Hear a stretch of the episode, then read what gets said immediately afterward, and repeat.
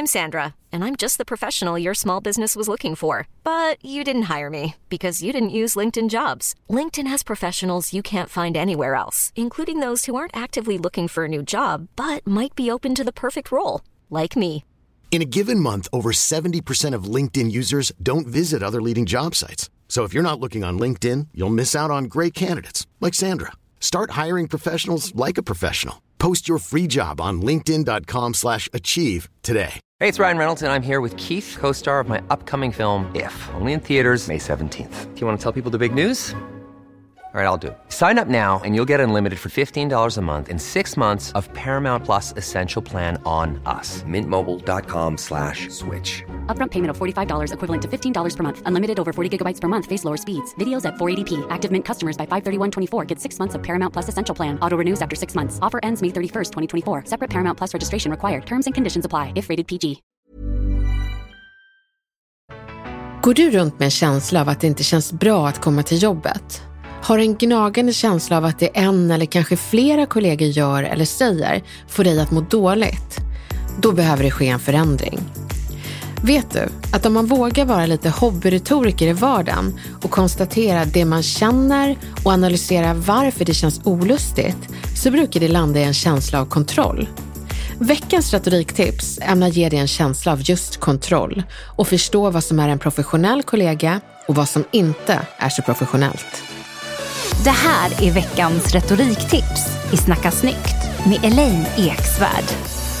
Visste du att hur bra ett möte går beror inte bara på hur väl förberedd du är på vad du ska säga, utan också på hur kollegor lyssnar på dig. En inte så professionell kollega passar på att multitaska i det digitala mötet och du har ordet. Eller kolla i telefonen och låtsas anteckna när hen egentligen passar på att riva av ett gäng mejl. Jag vet, man känner sig inte så jättemycket värd. Men låt inte ditt värde hänga på hur dina kollegor lyssnar, utan fokusera på och var tacksam för de som faktiskt lyssnar uppmärksamt.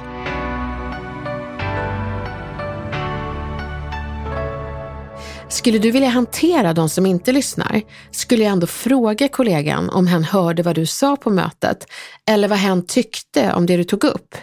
Fråga inte anklagande utan fråga nyfiket. Har hen inte svar så kan du berätta att du märker att kollegan inte alltid lyssnar och att du så gärna velat att hen lyssnade för kollegans åsikter är värdefulla för dig. Då lyfter du ett önskemål istället för att stämpla personen som oprofessionell. Det är mycket bättre att önska istället för att döma. Har en person som alltid ska jobbbräcka dig och alla andra? Den som öppnar mejlkorgen och avfyrar ett oj över sina 50 mejl medan du kände dig rätt stressad över dina två ganska mastiga mejl som väntar. Eller när du säger att du sov lite dåligt så kanske kollegan säger jag sov inte alls. Eller jag började jobba halv fem i morse.